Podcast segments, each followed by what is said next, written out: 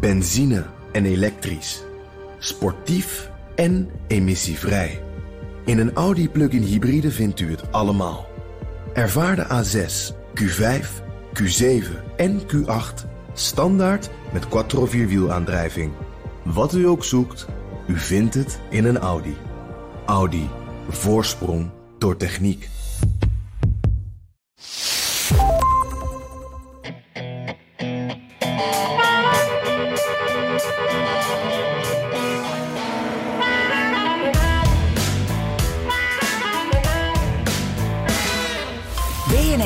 Nieuwsradio. De Ochtendspits. Het is woensdagmorgen en in Amerika zijn ze langzamerhand eh, bezig met het sluiten van de laatste polling stations. Hawaii is net dicht, dus wat dat betreft wordt nu geteld. Stemmen worden geteld en er zijn een aantal staten waar het nog echt cruciaal is. En er is er net door een paar uh, uh, media is de uitslag gecallt voor Pennsylvania. Iwan Verrips, die zit naast me, die houdt het allemaal heel strak bij. Hoe staat het erbij? NBC News en Fox melden dat die staat naar John Fetterman gaat, Mm. de democratische eh, kandidaat daar. Die verslaat dan dus Mehmet Oz. Ehm, we kennen hem, de ja, tv, de eh, dokter, de dokter van, eventjes. van Oprah Winfrey. Exact, waarvan Ja. Oprah Winfrey ook al heeft gezegd, eh, stem niet op hem. Ehm, en eh, de staatszetel lijkt dus naar hem te gaan. Dat was een republikein. En eh, dat wordt nu een democraat. Lijkt volgens NBC en Fox. Moet ik er nog even bij zeggen. Ja, precies. We gaan even de laatste stand van zaken doornemen met onze twee mannen in Amerika nu. Amerika-correspondent Jan Polsma en buitenlandcommentator Bernard Hammelburg. Mannen, goedemorgen. Goedemorgen. Ja, en Goedemorgen. Een, een van die staten, inderdaad, is interessant, is Pennsylvania. Eh, Er zijn dus twee me- nieuwsmedia die dat nu roepen. Bernard, wat zou dat betekenen als inderdaad John Fetterman, die, die kale man, wint van Mehmet Oz, van de dokter? Nou, dat is heel belangrijk, omdat eh, in de Senaat gaat, eh, gaat het echt om, eh, gaat maar om 50, zeg maar 100 zetels, zoals je weet. Ja.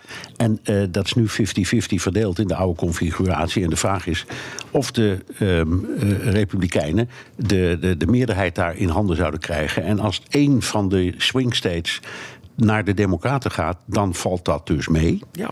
En dan wordt de schade misschien wat beperkt. Maar er zijn nog andere staten, Nevada, Georgia, ehm, waar eh, ook van die spannende races lopen. Dus dat weten we nog niet. En dat kan ook nog wel een tijdje wachten. Ja. Eh, want, of een tijdje wachten worden. Want, want eh, in, in Georgia lijkt het af te stevenen op een gelijkspel. Of dat de beide kandidaten beide geen 50% halen. Dan moet er een tweede ronde komen. Dat duurt, dat duurt een hele tijd, een paar weken of zo. Dus daar kan het allemaal nog om hangen. Dus we weten simpel gezegd niet eh, hoe dat afloopt. Maar het is wel spannend. Ja, absoluut. Hoe staat het ervoor? Even voor de cijfers. Jan, heb jij daar zicht op? Jullie hebben eigenlijk al het gras eh, voor mijn voeten weggemaaid. Want eh, dit is inderdaad het nieuws, dus ik heb hier niks aan toe te voegen. Nee, nee oké. Maar als we kijken naar het Huis van Afgevaardigden, ook, ook belangrijk. Hè? Dat, dat, daar zijn veel meer zetels te halen. Eh, hoe, staat, hoe staat de teller daar? Ja, dan zie je eh, dat we eigenlijk een soort eh, ja, spiegeling gaan krijgen. Dat lijkt op dit moment te, gebeuren. De Democraten hadden daar altijd een voorsprong of, of een meerderheid van vijf zetels. Het lijkt een beetje die kant op te gaan dat de Republikeinen eh, nu met nou ja, een aantal zetels meerderheid gaan eindigen straks. Dus dat gaat voor, voor grote veranderingen zorgen ook in dat geval. Want dan kunnen de Republikeinen bijvoorbeeld heel makkelijk allemaal onderzoeken starten naar president Biden bijvoorbeeld. Naar eh, andere democraten. Dus eh, de verwachting is dat er dan heel veel obstructie zal worden gepleegd op die manier. En dat ook grote eh, pl- beleidsplannen van Biden er veel moeilijker door zullen komen. Dus een paar zetels verschil kan ook een wereld van verschil zijn in dit geval. Ja, en hoe gaat het bijvoorbeeld dan verder met die, met die andere zaken die de Democraten starten tegen, tegen Trump? En met een, met een hele 6 januari-commissie die over de bestorming van het kapitool ging. Gaat dat dan meteen opdrogen? Gaat er de stekker uit, eh, Jan? Ja, dat is, dat is wel de verwachting. De, de 6 januari-commissie weet dat ook, want die moeten heel snel. eh, Die wisten al, we hebben een deadline eh, ergens in januari, begin januari moeten we klaar zijn, want daarna kan het allemaal anders zijn. Nou ja, dat is nu wat er gebeurt. Dus die, die waren al op, eh, op koers om snel tot de conclusie te komen. Dat zullen ze nu helemaal willen doen. En nou ja, daarnaast lopen er natuurlijk nog allerlei onderzoeken tegen Trump buiten, buiten het congres om. Niet politieke onderzoeken, die zullen wel gewoon doorgaan. Ja. Maar die 6 januari-commissie, die weten dat ze een hele duidelijke deadline hebben. En dat is nu nog duidelijker geworden. Eén ding, mannen, kunnen we wel stellen. De voorspelde rode tsunami, hè, een rollover die de Republikeinse Partij zou hebben tijdens deze midterms. Daar is wat minder sprake van. Kan ik dat zo zeggen vanuit het verre Nederland? Ja, dat kun je zo zeggen, ja. Ehm, dat wil zeggen, we weten nog steeds niet hoe het loopt. Hè. Zoals Jan zegt, uh, het is allemaal nog een beetje afwachten, ook wat het huis betreft. Die spiegeling waar Jan het over heeft, dat zou betekenen dat de, de, de Republikeinen uh, net een meerderheid van vijf of zes of zeven zetels hebben in dat uh, huis. Maar niet echt eentje van dertig, die ze bijvoorbeeld de laatste dagen een paar keer hebben voorspeld. Dat, dat, dat zien we niet gebeuren. Dus -hmm. ja, het heeft, het heeft grote consequenties, precies, precies zoals Jan zegt. En jouw ja. vraag over die 6 januari-commissie is een goede. Want ze hebben haast. En uh, nou ja, dat, dat, dat, dat moet af. En de vraag is uh, of dat op tijd is voor bijvoorbeeld de, de, FBI en zo. Om, om die zaak verder over te pakken. Want dat is ook nog een optie. Precies. Ja, want dat zou dus kunnen. Hè, dat het OM of de FBI inderdaad die zaak overpakt. En zegt nou er is voldoende bewijs vergaard. Ja, en nu gaan we ermee er lopen, dus, er lopen dus al zaken. Ja. Alleen, uh, alleen de vraag is of het eindrapport aanleiding zal geven tot nog meer zaken. Ja, hm. dat zou nog kunnen. Dat weten we niet. Wachten we, wachten we met spanning af. Ja, nu even. Gaat de minister over. Precies. Nog, nog even naar iets anders, mannen. Want in het, in het Huis van Afgevaardigden hebben we de Speaker of the House. Is Nancy Pelosi, democraat op dit moment. Maar als daar de, als daar de zaak flipt, dan krijgen we Kevin McCarthy daar als, als speaker. Toch? Ja, ja, en dat wordt nog wel interessant, want die Kevin ja. McCarthy, die weten we, daar weten we van dat hij heel ambitieus is. Die wil dit echt al jaren. Uh, dus dit zou voor hem een droom in vervulling zijn. Maar tegelijkertijd wordt dat ook wel uh, een moeilijke taak voor Kevin McCarthy, denk ik. Want als hij inderdaad een kleine meerderheid krijgt, uh, dan zal hij ook alle kikkers in de kar moeten houden. En dat wordt nog best wel moeilijk, want we weten natuurlijk, er is een vrij luide Trump-vleugel van de Republikeinse Partij. en die moet hij ook bij zich zien te houden. En, en als je al je stemmen nodig hebt, wordt dat nog best wel moeilijk. En als die bijvoorbeeld zeggen wij willen een impeachment starten, nou dan moet Kevin McCarthy dat allemaal in goede, goede banen gaan leiden en zorgen dat de Republikeinse Partij daar ook zo goed mogelijk uitkomt en dat uh, op basis daarvan beslissingen worden genomen. Dus dat wordt nog heel interessant met een obstinaat klein stukje van de Republikeinse Partij daar. Ja, het is Jan en ik hadden het daar mm -hmm. eerder uh, met elkaar over. Je krijgt ook wat dat betreft een soort spiegeling. Want ook de, de Democraten die hebben die, die, uh, die, die linkse bende, zoals dat wordt genoemd. Dat is zo'n aantal van die congresleden die erg aan de linkerkant zijn en voortdurend aan, aan, uh, ook aan Biden hebben getrokken. Ja. En, dan, en dan moest Nancy Pelosi dat allemaal weer, weer glad trekken. En nu draait het om. Nu heb, heb je Kevin McCarthy met, ik zal maar zeggen, een, een hele rechtse groep. En die moet hij ook maar zien bij zich te houden. Dus wat dat betreft is, ja, is de spiegeling compleet, zou je kunnen zeggen. Ja, en dat, wat dat betreft is het, is het nog, ja, daar is wel wat, wat aan de hand. Want inderdaad, die hele die linkse vleugel in de democratische hoek, uh, die krijgt ook wel een, een, een tikje. De, de, de Acacia, o, o, o, de EOZ heet ze geloof ik, Ocasio-Cortez. Ocasio-Cortez. Juist, dank u wel voor de hulp. Maar wat, wat, wat, wat, wat, wat, wat, wat gaan we daarvan van, van zien? Dat, dat hele, dat, dat linkse stukje in het huis. Uh, nou, in de eerste plaats, um, um, EOC is een. Uh, is een senator, hè? Nee, is een, is een uh, lid van het huis. Oh ja, oké. Okay. en uit, uit, uit New York. Mm -hmm. Dus die, die blijft daar, die wordt gewoon herkozen. Daar is ja. geen twijfel over. Mm -hmm. uh, en, en, haar and, en waarschijnlijk de anderen ook, weet niet helemaal zeker. Maar ja. dat groepje blijft bestaan. Mm -hmm. En die zullen druk blijven uitoefenen. Alleen dat zullen ze nu niet meer kunnen doen. Zozeer op, uh, op, op, op de rest van de, de fractie. Ja. Maar bijvoorbeeld wel op de nieuwe fractievoorzitter. En dat is Nancy Pelosi. Mm -hmm. Uh, want die, uh, die, die, die, die, moet ook stuivertje wisselen. Ja. Um, en ik kan me voorstellen dat die het daar weer moeilijk mee krijgt. Mm -hmm. En uh, nou ja, het kan ook best zijn dat ze, dat ze bij wijze van spreken voortdurend met moties komen over.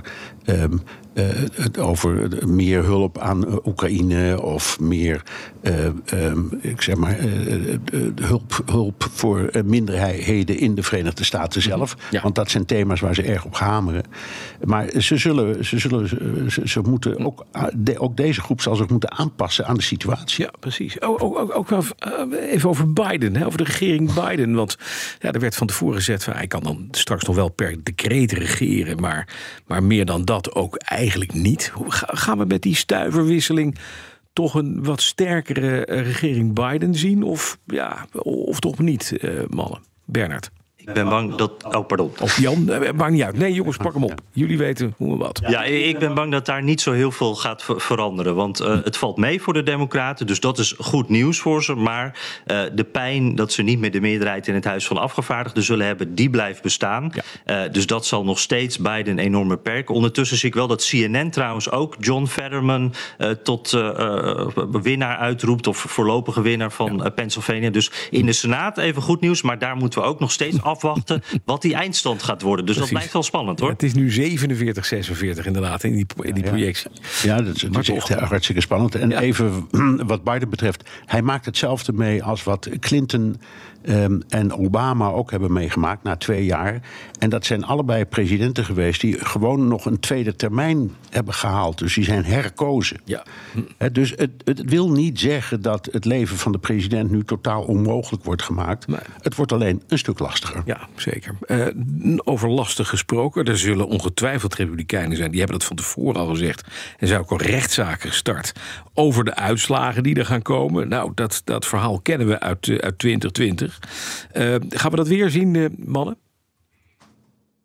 Ik denk het van wel, ja. ja eh, we, hebben nog niet eh aankondiging daarvan gehad. Van nieuwe rechtszaken of nieuwe kandidaten die nu echt concreet zeggen: wacht even, deze uitslag geloof ik niet. Maar we weten gewoon van een paar staten dat daar echt kandidaten zitten die dat van tevoren heel duidelijk hebben laten merken. En als die niet hun verkiezing winnen, dan denk ik dat er toch wel een paar, paar gaan volgen die nu gaan zeggen: wacht eventjes, hier is wat gebeurd. We hebben dat voorbeeld in Arizona gehad, hè, waarbij een paar eh, stemcomputers of, of eh, telcomputers eigenlijk het niet deden.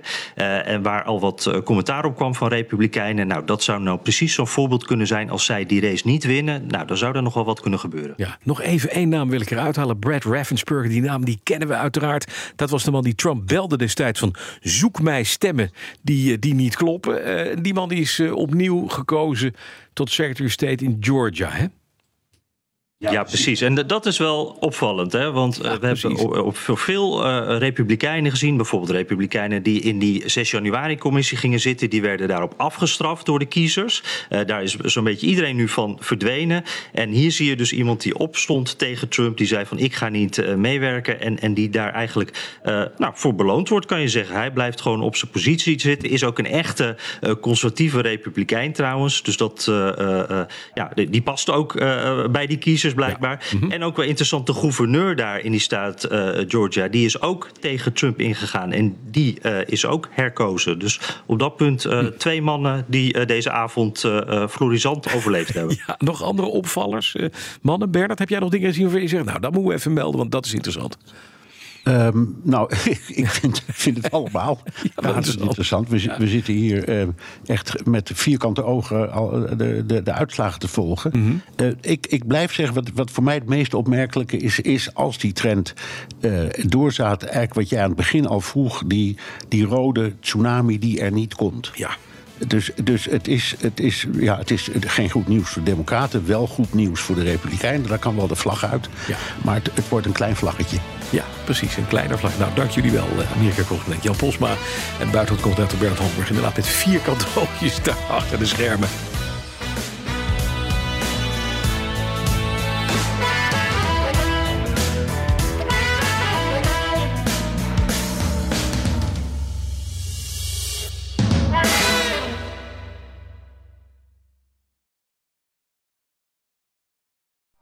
Benzine en elektrisch. Sportief en emissievrij. In een Audi plug-in hybride vindt u het allemaal. Ervaar de A6, Q5, Q7 en Q8 standaard met quattro vierwielaandrijving. Wat u ook zoekt, u vindt het in een Audi. Audi. Voorsprong door techniek.